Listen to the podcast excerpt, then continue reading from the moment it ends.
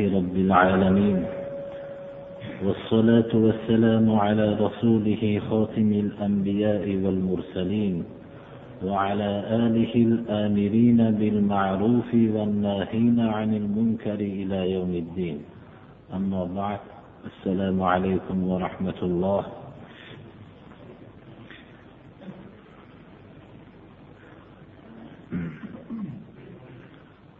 juma kunidagi qur'oni karimdan davom etayotgan darsimiz sura oli imrondan استعيذ بالله يا أيها الذين آمنوا إن تطيعوا الذين كفروا يردوكم على أعقابكم فتنقلبوا خاسرين بل الله مولاكم وهو خير الناصرين آية كلمة kelib to'xtagan alloh subhanahu va taolo uhud g'azotidagi musulmon jamoaga bergan dars bu juda og'ir dars bo'lgan edi. Bu og'ir darsda biror bir musulmon kishi ashobi ikromlardan taqriban jarohatlanmaganlari qolmagan edi. Va ko'p ulug' zotlar rasululloh sollallohu alayhi vasallamning amakilari hamzat ibn abdul muttolib boshchiligida shahid bo'lishgan edi. Rasululloh sollallohu alayhi vasallamning o'zlariga ham ko'p jarohatlar yetgan edi. Bu avvalgi darslarimizda o'tgan edi. Haq yo'ldagi bir jamoa biror o'zining haqiqat yo'lida davom etar ekan. Alloh subhanahu va taolo tarafidan bu jamoa imtihon qilingan vaqtda ya'ni ko'rinishda ko'p musibatlar ularga yetganda boshqa jamoalar munofiqlar xususan mushriklar kofirlar bu voqeani g'animat bilishib bu yo'lning nohaqligiga hujjat mana ular shunchalik musibatlanishdi degan narsani xalqlar o'rtasida tarqatib bu yo'lning haq davom etayotgan yo'lning musulmon jamoaning haqda barqaror bo'lishligiga shubha solishmoqchi bo'ladi. Bu amal qiyomatgacha bo'lgan munofiqlarning mushriklarni yo'lidir bunday noto'g'ri targ'ibotlar ba'zi iymoni zaif bo'lgan kishilarga ta'sir ko'rsatishligi mumkin. Va shu sababli alloh subhanahu va taolo o'zi saqlasin billah haq yo'ldan qaytib ketib qolishlari ham mumkin. Alloh subhanahu va taolo iymon keltirgan kishilarni bunday noto'g'ri targ'ibotlardan ogohlantirib mana bu oyatni nozil qildi. Alloh subhanahu va taolo musulmon jamoaga qachon nido qilgan vaqtda ey iymon keltirgan kishilar deb nido qildi. Kishilar olloh subhanahu va taolo tarafidan chaqirilishlikka ular o'zlarining ko'rinishlari bilan sazovor bo'lishgani yo'q. Ular o'zlarining moli davlatlari bilan sazovor bo'lishgani yo'q. Ular o'zlarining manzillarini kattaligi bilan sazovor bo'lishgani yo'q. Ular ko'pchilik jamoa bo'lganliklari bilan sazovor bo'lishgani yo'q. Ular kasbi kamolotlari sababli alloh subhanahu va taolo tarafidan chaqirilishlikka sazovor bo'lishgani yo'q. Ular olloh subhanahu va taologa iymon keltirgan sifatlari bilan olloh tarafidan chaqirilishlikka sazovor bo'lishdilar. Har bir o'rinda musulmon jamoaga xitob qilingan bo'lsa alloh subhanahu va taolo ularning iymon sifati bilan chaqirdi. Ey iymon keltirgan kishilar dedi.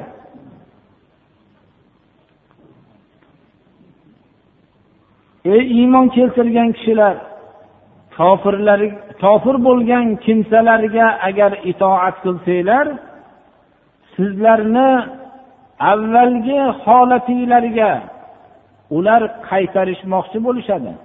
Sizlarni avvalgi holatinglarga qaytaradi. Johiliyat davrida yashab o'tgan kishilar islom yo'liga o'tishganlaridan keyin avvalgi johiliyatning qanchalik nopok najas yo'l ekanligini o'zlari yaxshi anglashadilar. Islomning haqiqiy yo'liga o'tishlik bilan inson o'zining butun botqoqlikdan pokiza olamga chiqqanligini his qila olishligi kerak.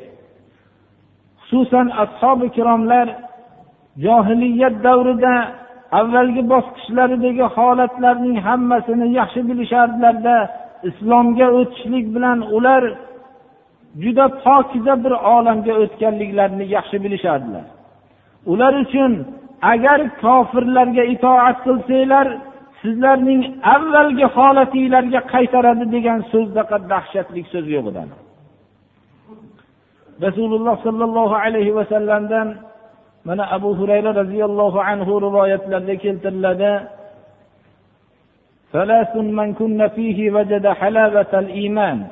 Uch narsa borki qaysi bir kishida bu uch narsa bo'lsa iymonning halovat lazzatini tatiydi.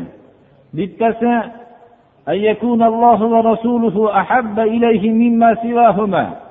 olloh rasuli unga boshqa hamma narsadan suyumli bo'lsa birinchi sifat shu.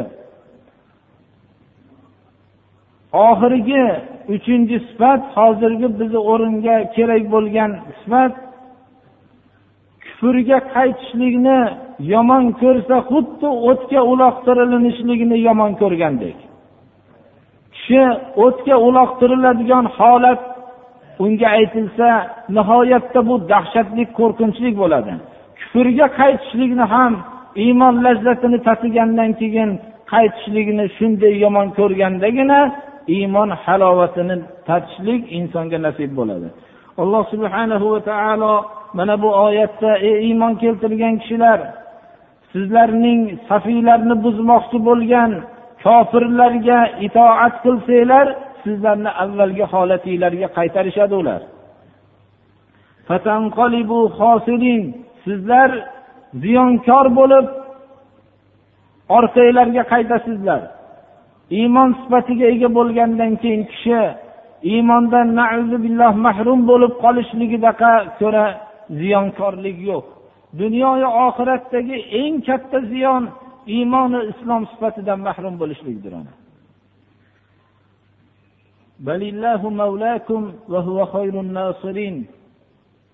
musulmon jamoa haq yo'lda ketayotganda mana uhud g'azotida yetgan musibatga o'xshagan musibatning bir qismi agar musulmon jamoaga yetsa doim munofiqlar tarafidan sizlar bu jamoadan chiqinglar biz yordam beramiz degan narsa doim talqin qilinadi birodarlar.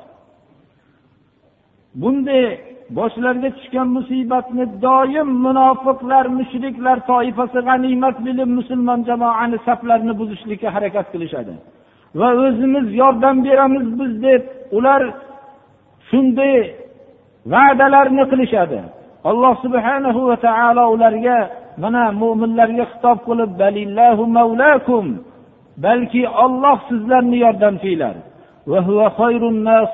olloh sizlarga eng yaxshi yordam beruvchidir deb bizlarga ta'lim beradi mana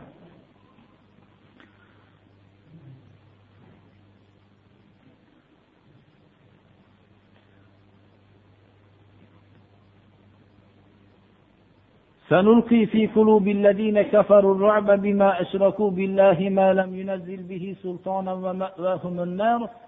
وبئس مثوى الظالمين alloh subhanahu va taolo kofir bo'lgan kimsalarning qalbiga qo'rquvni tushirishlikni va'da qilyapti. Yaqin kelajakda ey mo'minlar kofir bo'lgan kimsalarning qalbiga qo'rquvni men tushiramiz deyapti.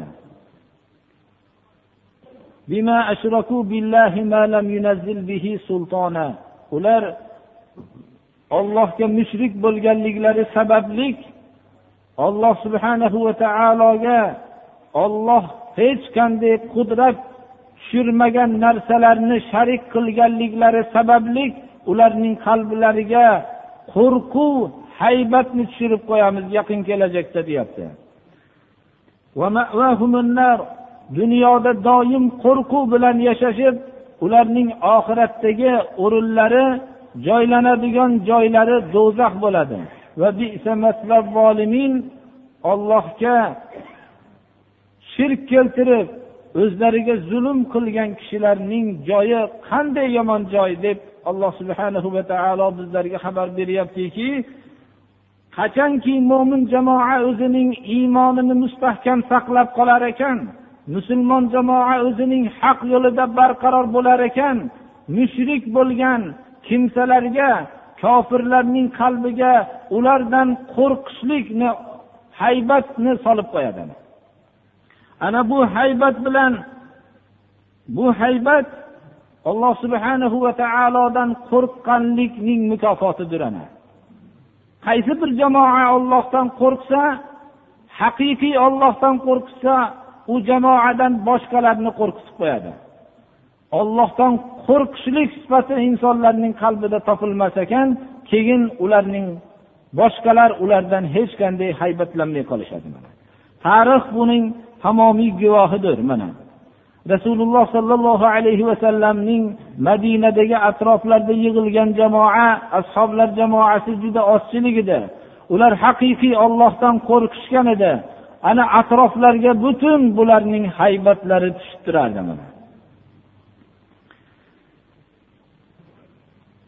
zulm qur'oni karimda mana zolim kalimasi ko'p keladi.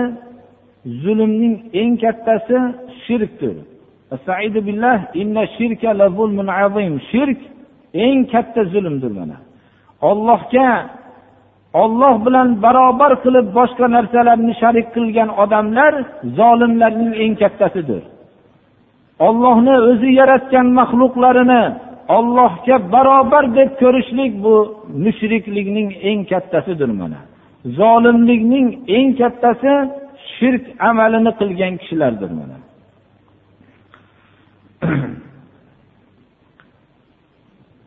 Alloh subhanahu va taolo uhud g'azotida o'zining va'dasinida sodiq bo'lib iymon keltirgan jamoaga yordam bergan edi. Bular ashobi ikromlarga rasululloh sollallohu alayhi vasallam bir toifasini ajratib tog'ning tepasida merganlar jamoasini qo'yib bizni g'olib bo'lib mag'lub bo'lganligimizni ko'rsanglar ham bu o'rindan jilmanglar deb buyurgan edilar. Bu buyruqni ya'ni rasul sollallohu alayhi vasallamning buyruqlarini buzishlik sababli. Va ba'zilar tarafidan shu safni ichida dunyo maqsadida g'animat olaman deb g'azobga chiqqan kishilarning bo'lganligi sababli alloh subhanahu va taolo g'alabani mag'lubiyatga aylantirgan edi. Mana bu xabarni bayon qilib ولقد صدقكم الله وعده إذ تحسونهم بإذنه. حتى إذا فشلتم وتنازعتم في الأمر وعصيتم من بعد ما أراكم ما تحبون منكم من يريد الدنيا ومنكم من يريد الآخرة. ثم صرفكم عنهم ليبتليكم ولقد عفى عنكم والله ذو فضل على المؤمنين. alloh subhanahu va taolo sizlarga va'dasida sodiq bo'lgan edi. Mushriklarni ollohni izni bilan ularning qatl qilib borayotganinglarda alloh subhanahu va taolo o'zining va'dasida sodiq bo'lgan edi.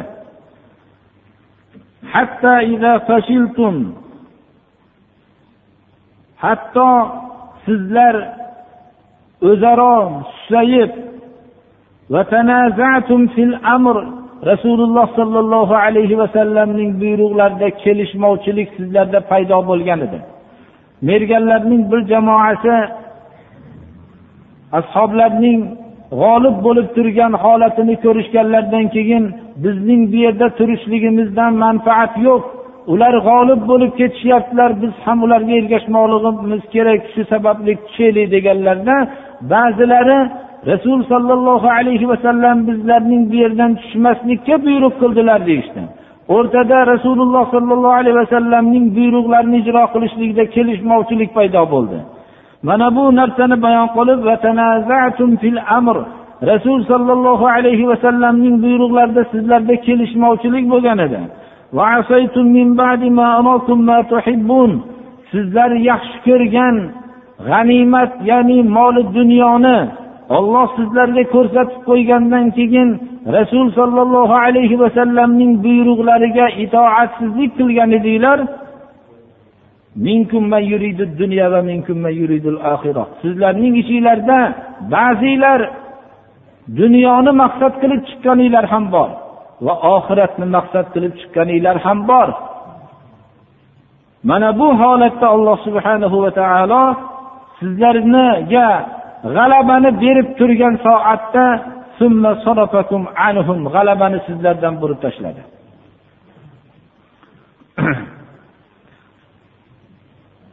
O'n uch yil islom yo'lida qattiq bir mashaqqatlarni kechirgan madinada munofiq yahudlarning firiblarini boshlaridan kechirgan shu sahobalarning uhud g'azotidagidan ilgari badr g'azotida ishtirok etgan va shu uhud g'azotida yana og'ir bir janglarda ishtirok etgan kishilarning haqida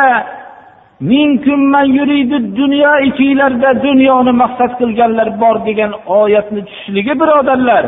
Insonning qanchalik qalbini olloh uchun xolis qilishligi qanchalik qiyinligini bunday kishilar jamoada juda oz bo'lishligiga dalolat qiladi hatto abdulloh ibn masud roziyallohu anhudan rivoyat qilinib aytiladiki bu kishi aytdilarki ما كنت أرى أن أحدا من أصحاب رسول الله صلى الله عليه وسلم يريد الدنيا حتى نزل فينا يوم أحد أستعيذ بالله منكم من يريد الدنيا ومنكم من يريد الآخرة men deydilar ashobi rasululloh sollallohu alayhi vasallamning ichida dunyo maqsadini qilgan kishi yo'q deb bilardim. Hatto uhud g'azotidagi og'ir jangda bizlarning haqqimizda ichinglarda dunyoni maqsad qilganlar ham bor degan oyat tushgandan keyin shunda bildim deydilar ana musulmon jamoalarda hamma har bir ishni olloh uchun qilaman mening amalim xolis deydi lekin boshlariga tushgan musibatlar ularning amallari xolismi yoyinki boshqa ekanligini ochib beradi hatto o'zlariga ham ma'lum qilib beradi.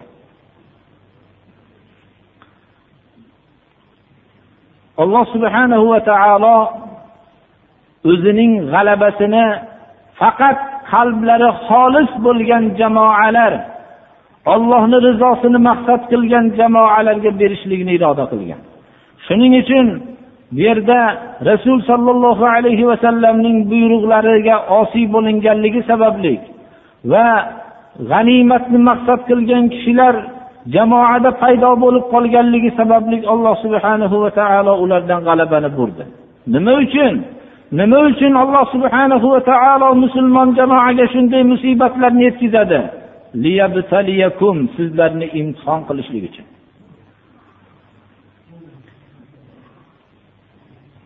Imtihon insonlarning boshlariga tushgan musibatlar bilan bo'lgan imtihondaqa imtihon yo'q. Bu musibatlar mashaqqatlar qo'rquvlar hammasi saflarda qanday odamlar bor ekanligini ochib beradi bizga. Biz buni hech qanday dunyoda bir asbob bilan insonlarning qalbini bilib bo'lmaydigan narsani boshlariga tushgan musibatlar yaqqol qilib ochib beradiki hatto kishini o'zining ichini tashqarisiga olib chiqib o'ziga ham ko'rsatib qo'yadi. Insonlar osoyishta hammalari moli davlatlari yonida uylarida farzandlarining oldida kasblari bir xilda ketayotganda hammalari musulmoni komil bo'lib hammalari bir safda turishaveradilar. Ammo bosh boshlariga bir qo'rquv tushgan vaqtda saflardan juda ko'p odam tushib qoladi. Yana bir musibatlar yetganda saflardan yana boshqalar tushib qoladi. Qalblari faqat allohni rizosi uchun bog'langan kishilargina safda qoladi. Olloh sizlardan bu xatoinglarni afv qildi. Olloh mo'minlarga iymon sifatiga ega bo'lgan kishilarga marhamatli zotdirki ularning xatolarini bilan ularni doim umrlarini oxirigacha muohaza qilmaydi. Xatolarini kechiradi. Olloh afv qiladi. Ollohning afv qilishligi bandasini shunchalik qudratli bo'lib mo'minlarga bu juda katta marhamatidir. Inson bir o'zining xatosini boshqa odamdan kechirib olishligini osonlikcha buni qabul qila olmaydi birodarlar. Osonlikcha inson o'zini bilan qudratida teng bo'lgan kishilar insonni xatosini kechirishligi juda qiyin. Olloh shunchalik qudratli bo'lib hammadan qisos hammani azoblashlikka qodir bo'lib turib xatolarini afv qilishligi bu juda katta marhamatli zotdir deydi إذ تصعدون ولا تلبون على أحد والرسول يدعوكم في أخراكم فأثابكم غما بغم لكي لا تحزنوا على ما فاتكم ولا ما أصابكم. والله خبير بما تعملون.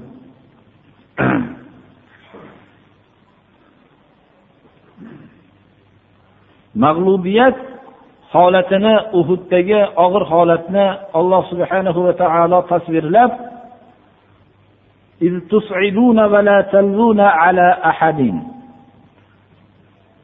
والرسول يدعوكم في أخراكم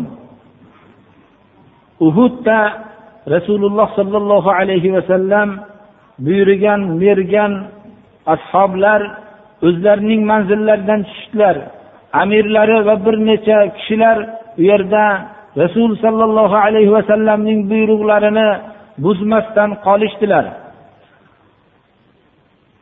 Askar, mushrik askarlarining bir qismi bu tog'ning tepasini xoli qolganligini ko'rib shu tarafga burilib u ozchilikni hammalarini shahid qilishdi. Va dushmanlar musulmonlarning orqa tarafidan hujumga kelishdi. Musulmonlar ashoblar buni sezmasdan dovdirab qolishdilar. Ana shu vaqtda bular tepalik tarafiga qarab chekinishgan edilar. Bu holatni tasvirlab qur'oni karim sizlar tepalik tarafiga qarab chekinayotgan vaqtinglarni esinglarga olinglar. Hech bir kishiga qarab qo'ymasdan chekinib ketayotgan holatinglarni esga olinglar.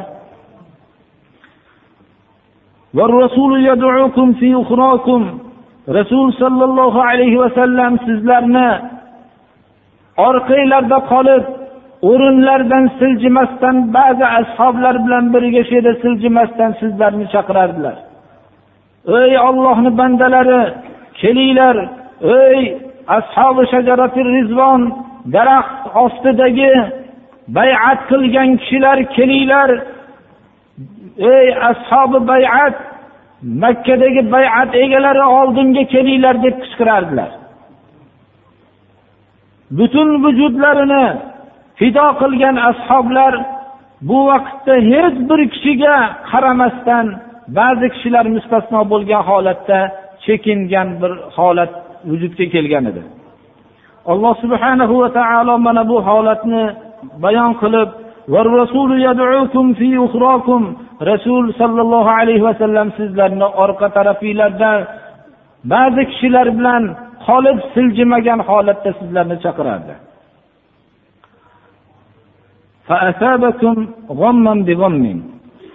Ana shu holatda rasul sollallohu alayhi vasallamning oldilaridan ketganliklariga bular nihoyat darajada g'amgin bo'lishgan edilar. Ular eng suyumli payg'ambar sollallohu alayhi vasallamga musibat yetgan holatda tashlab ketganliklariga ko'p achinishgan edilar. Bu ham alloh subhanahu va taoloning irodasi bilan bo'lgan edi. Bu g'amni olloh subhanahu va taolo minnat qilib bayon qilyaptiki shu holatda shuni ham aytib o'tishimiz kerakki xalq o'rtasida jang maydonida rasul sollallohu alayhi vasallamning qatl qilindi degan xabarni munofiqlar tarafidan tarqatildi. Ana shu holatda payg'ambarimiz sollallohu alayhi vasallamning tashlab ketgan ashoblar butun vujudlariga yetgan yaralar mollaridan ajralganlik qadr qarindoshlarining shahid bo'lganligi hamma holatlarning esdan chiqarib yuborishdilarki alloh subhanahu va taolo tarafidan rasul sollallohu alayhi vasallamga yetgan bir musibat bu g'amni minnat qilib aytyaptiki sizlarni g'amiylarga g'am bilan jazoladi. Ya'ni sizlar jarohatlangan edinglar moli davlatlardan ajralgan edinglar va qarindosh urug'inglar hammasi shahid bo'lgan edi yori birodarlar shahid bo'lishgan edi mana bu g'amni rasul sollallohu alayhi vasallamga yetgan g'am bilan jazoladi. Nima uchun? Sizlarda g'amginlik qolmasligi uchun g'amgin bo'lmay qolishliginglar uchun g'amga g'am bilan jazoladi. Ular rasul sollallohu alayhi vasallam qatl qilindi degan xabarni munofiqlar tarafidan tarqatilganda u kishiga yetgan musibatlarni bilishganlaridan keyin o'zlarining g'amlari hammasi esdan chiqib ketdi. Ana g'amiylarni g'am bilan jazoladi. Nima uchun? O'zinglardagi yetgan g'amginlikni yo'qotib tashlashlik uchun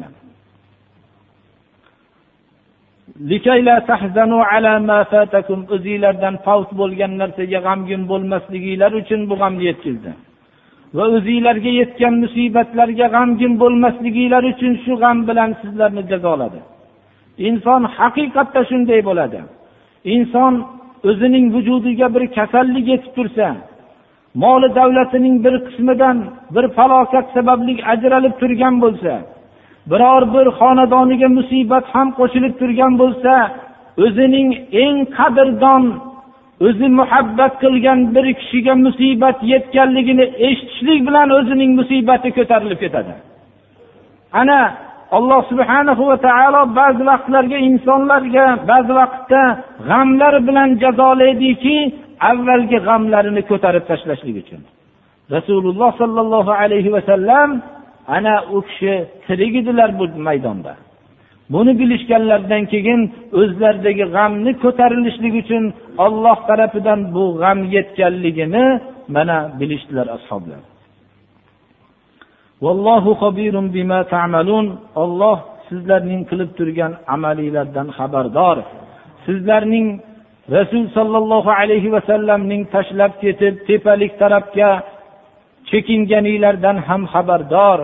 Rasululloh sollallohu alayhi vasallamga oldilaridan chekinib ketganliginglarga g'amgin bo'lib turganinglardan ham xabardor.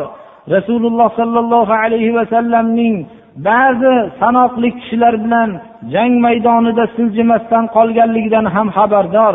Olloh sizlarning qilib turgan hamma amalinglardan xabardordir.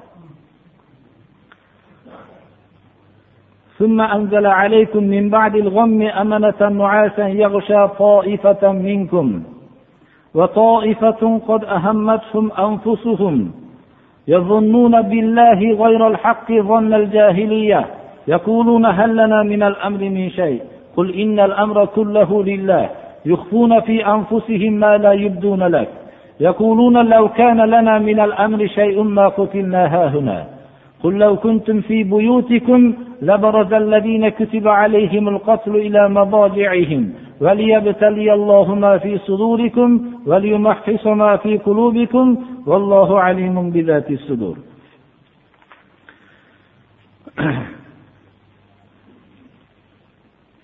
imom termiziy imom nasoiy hokim rivoyatida hammod ibn salama عن ثابت عن أنس عن أبي طلحة قال رفعت رأسي يوم أحد وجعلت أنظر وما منهم يومئذ أحد إلا يميل تحت جحفته من النعاس. وفي رواية أخرى عن أبي طلحة غشينا النعاس ونحن في مصافنا يوم أحد فجعل سيفي يسقط من يدي وآخذه ويسقط وآخذه. Alloh subhanahu va taolo o'zining shu uhud g'azotida bergan bir ne'matini minnat qilyapti.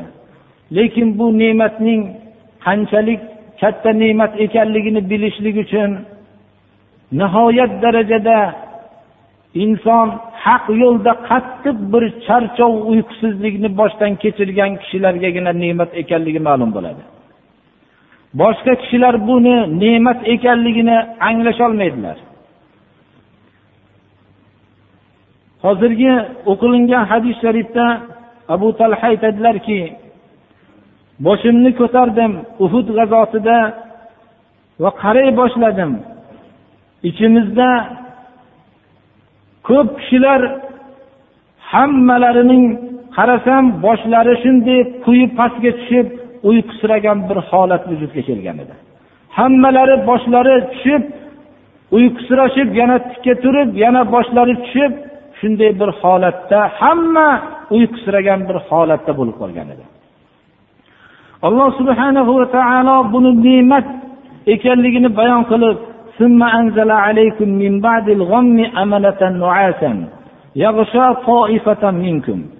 alloh subhanahu va taolo sizlarga shunday og'ir g'amlardan keyin sizlarga shunday pinak ya'ni uyqusirashlikni tushirdi. Sizlarning ichinglardagi bir toifani shu uyqusirashlik qamrab olardi. Inson og'ir bir charchovga duchor bo'lgandan keyin bir daqiqa undagi uyqusirashlik uning vujudiga shunday bir yangi bir rohatni bag'ishlaydiki u rohatni yer yuzidagi hech qaysi rohat bera olmaydi. Bir daqiqa boshining bir quyi tushib yana tiklanib qolishligi unga shunday ne'mat bo'ladiki dunyoning hamma ne'matini tarozini bir pallasiga qo'ysa bu ne'mat bilan barobar bo'lmaydi birodarlar. Lekin buni o'zining hayotini ko'p qismini uyqu bilan dam olishlik bilan o'tkazayotgan kishilar buning ne'mat ekanligini his qilishmaydilar. Og'ir bir holatlarda bo'lgan majburan xususan haq yo'lda og'irliklarni tortgan kishilar bir uyqusirashlik uning qalbi uning vujudiga bir hayot bag'ishlaydiki nima sodir bo'lganligini bilmaydi ammo bir mo'jizaviy bir holat vujudga keladi. Yangi bo'lib qoladi shu holat bilan alloh subhanahu va taolo shuncha ne'matlarini zikr qilmasdan bu yerda og'ir bir holatda bu qiyin bir holatni kechirgan boshlaridan kechirgan sahobalarga alloh subhanahu va taolo sizlarning bir toifanglarni shunday o'rab egallaydigan pinak ya'ni uyqusirashlikni olloh sizlarga tushirdi mana. Bu ne'matini yodga olinglar deyilyapti abu talhaning boshqa rivoyatlarida bizni shunday uyqusirashlik egallab oldi. Biz safda uhud g'azotida turgan holatimizda mening qilichim qo'limdan tushib ketardi ola olardim yana tushib ketardi yana olardim deydilar. Ana shu bilan insonning qalbiga butun vujudiga bir rohat bag'ishlanadi.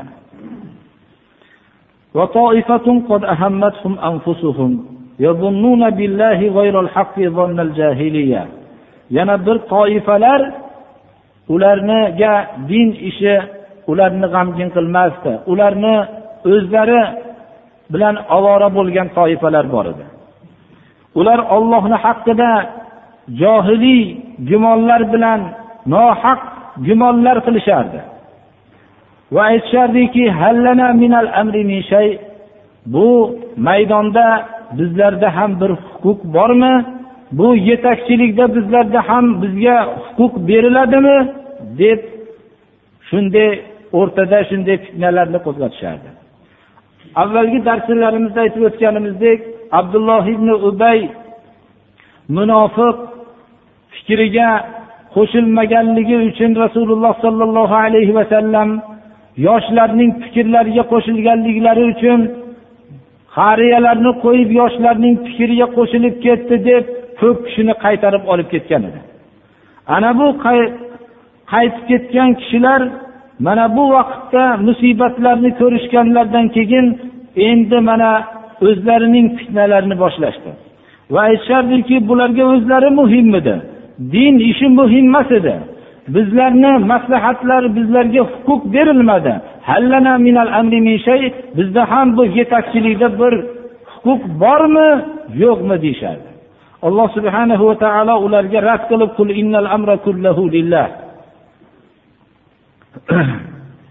ish ularniki ham emas boshqalarniki ham emas. Alloh subhanahu va taoloning o'ziga xosdir.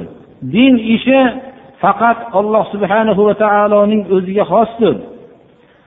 Bu jihod dinni yerda barpo qilishlik uchun mashru bo'lgan. Qalblarning hidoyati qalblarning to'g'ri yo'lga yo'llanishligi alloh subhanahu va taoloning ishidir. Qalblar olloh tarafiga intilsa olloh hidoyat qiladi. Hidoyatni yalinib beriladigan narsa bo'lishligini olloh xohlamadi. Bu yerda din ishi hammasi alloh subhanahu va taoloning o'ziga xosdir ular dillarida sizga oshkor qilgan narsadan oshkor qilishmagan narsalarni ham bekitishadilar. Ularning dillarida bundan ham yomon gaplar bor deb alloh subhana va taolo uhuddan chekinib munofiqlarga ergashib ketgan kishilarning qalblaridagi holatni bayon qilib beryapti.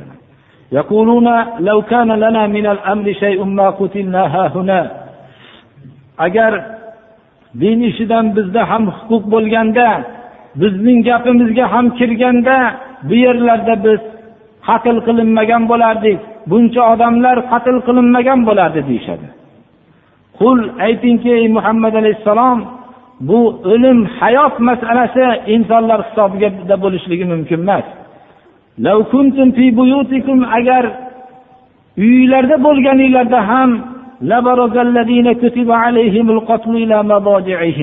ularning boshiga qatl ya'ni o'ldirilishlik kitobat qilingan kishilar o'zlarining haqiqiy o'rni qabrlarida ko'ringan bo'lishardi.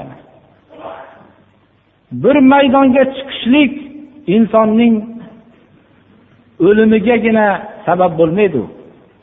Bir maydonga chiqmasdan qolishlik uning o'lmasligiga sabab bo'lishligi mumkin emas. O'lim bilan hayot alloh subhanahu va taoloning ishi. U bir jihod maydoniga chiqishlik insonni qat'an o'ldirmaydi.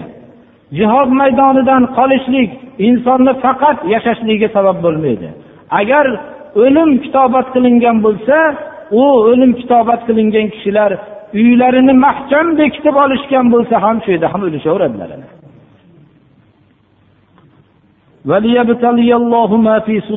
alloh subhanahu va taolo dinni oliy qilishlik uchun mana bu buyruqlarni qildi. Ularning maydonga chiqishlikka olloh farmon berdi. Ularning qalblaridagi narsani imtihon qilishlik uchun. Qalblardagi narsa insonlar boshiga musibat tushganda juda ham ravshan bo'lib qoladi. Ularning qalblarida nima bor ekanligini o'zlari aytib berishadilar uni bekitishlikka o'zlari ham qodir bo'lishmay qoladilar. Dillardagi hamma narsani chiqarib yuborishadilar.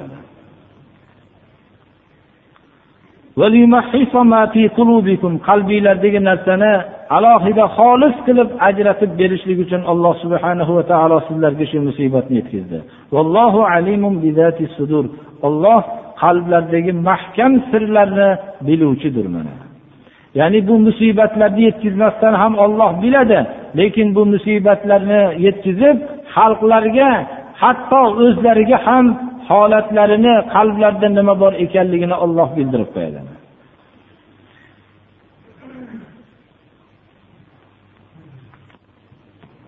Qur'oni karimning shu oyatlari go'yoki agar tilovat qilib dars qilib o'rganilsa har bir holatdagi kishilar o'rtasida bo'layotgan voqealarni bayon qiladi. Har bir holatda ham haq yo'lga insonlar hammalari bir xil suratda kirishmaydi. Ba'zilar tiriklik yaxshi bo'lar ekan haq yo'lda yursang deb kiradi. Ba'zilar shu tarafda ko'pchiliklar yuribdi deb kiradi. Ba'zilar bo'lsa o'zlarining ilgaridan odatlanib kelayotgan narsamiz ekan deb kiradi. Haqiqiy olloh uchun qalblarini xolis qilib kirgan kishilargina shu saflarda qoladi boshqalar tushib qolaveradi birodarlar. Va ba'zi aldovlarga hammasiga aldanib bu narsalardan haqiqat yo'ldagi safdan tushib qolishaveradilar. Mana bu oyat kalimalar o'zi biz ashoblar davrida bo'lgan narsalarni o'qib o'rganyapmiz.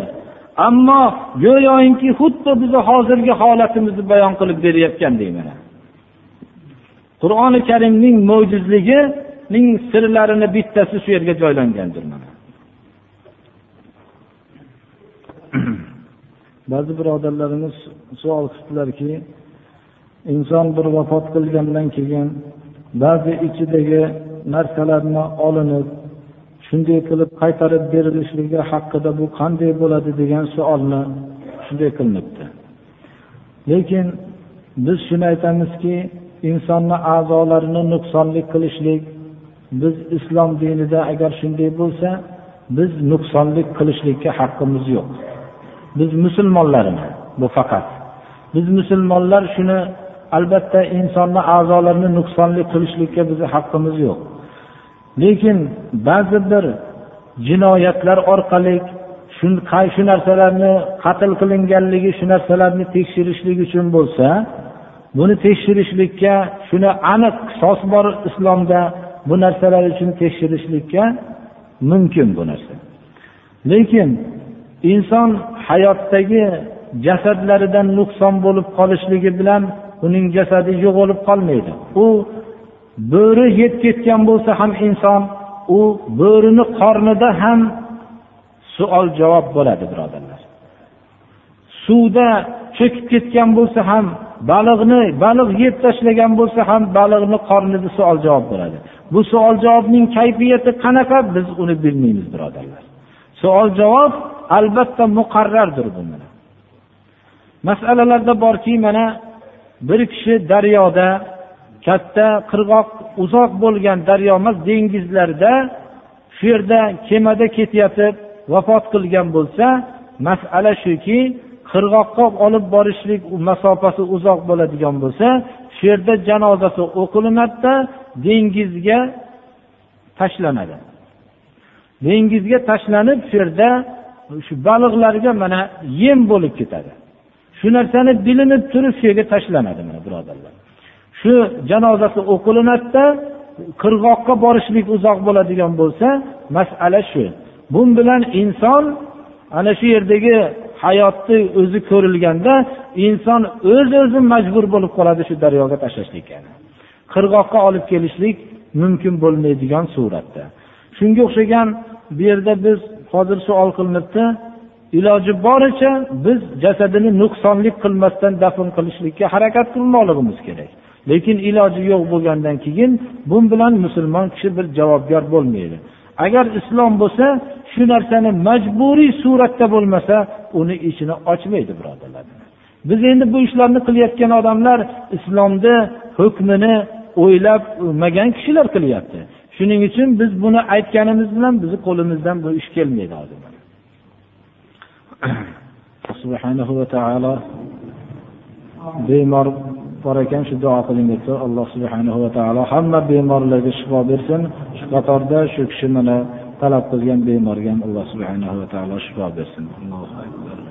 Birodarlar duo qilaylik. Alloh subhanahu va taolo mana zulhijja oyi yaqinlashyapti. Alloh subhanahu va taoloni farziga butun dunyodan musulmonlar ketyapti. shularning hammalarini alloh subhanahu va taolo safarlarini bexatar qilsin va shularning qilayotgan farz amallarini mana va'da qilingan hajdaqa bo'lishligini alloh hammalariga nasib qilsin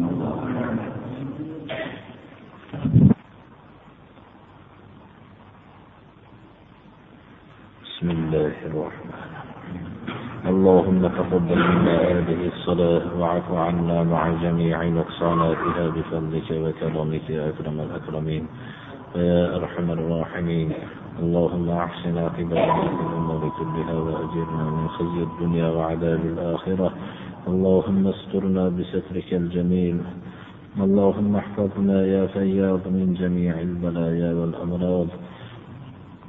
اللهم إنا نعوذ بك من الكفر والفقر والجبن والكسل ومن فتنة المحيا ومن فتنة الممات ومن فتنة المسيح الدجال ومن فتنة عذاب القبر وأن نرد إلى أرض العمر. اللهم اقسم لنا من خشيتك ما تحول بيننا وبين معاصيك ومن طاعتك ما تبلغنا به جنتك ومن اليقين ما تهون به مصائب الدنيا. ومتعنا بأسماعنا وأبصارنا وقوتنا ما أحييتنا. واجعله الوارث منا واجعل ثأرنا على من ظلمنا. ولا تجعل الدنيا أكبر همنا ولا مبلغ علمنا ولا تسلط علينا من لا يرحمنا. اللهم أعنا على ذكرك وشكرك وحسن عبادتك وصلى الله تعالى على خير خلقه محمد وآله وأصحابه أجمعين. الطاهرين الطيبين وارحمنا واحشرنا معهم. برحمتك يا أرحم الراحمين. اللهم أرحمنا بالقرآن العظيم واجعله لنا ولا علينا حجة يا رب العالمين. الله سبحانه وتعالى جناح لارمزنا وقرات بلسان عبادات لارمز قبل كل سن شجم عنا مازمز حديث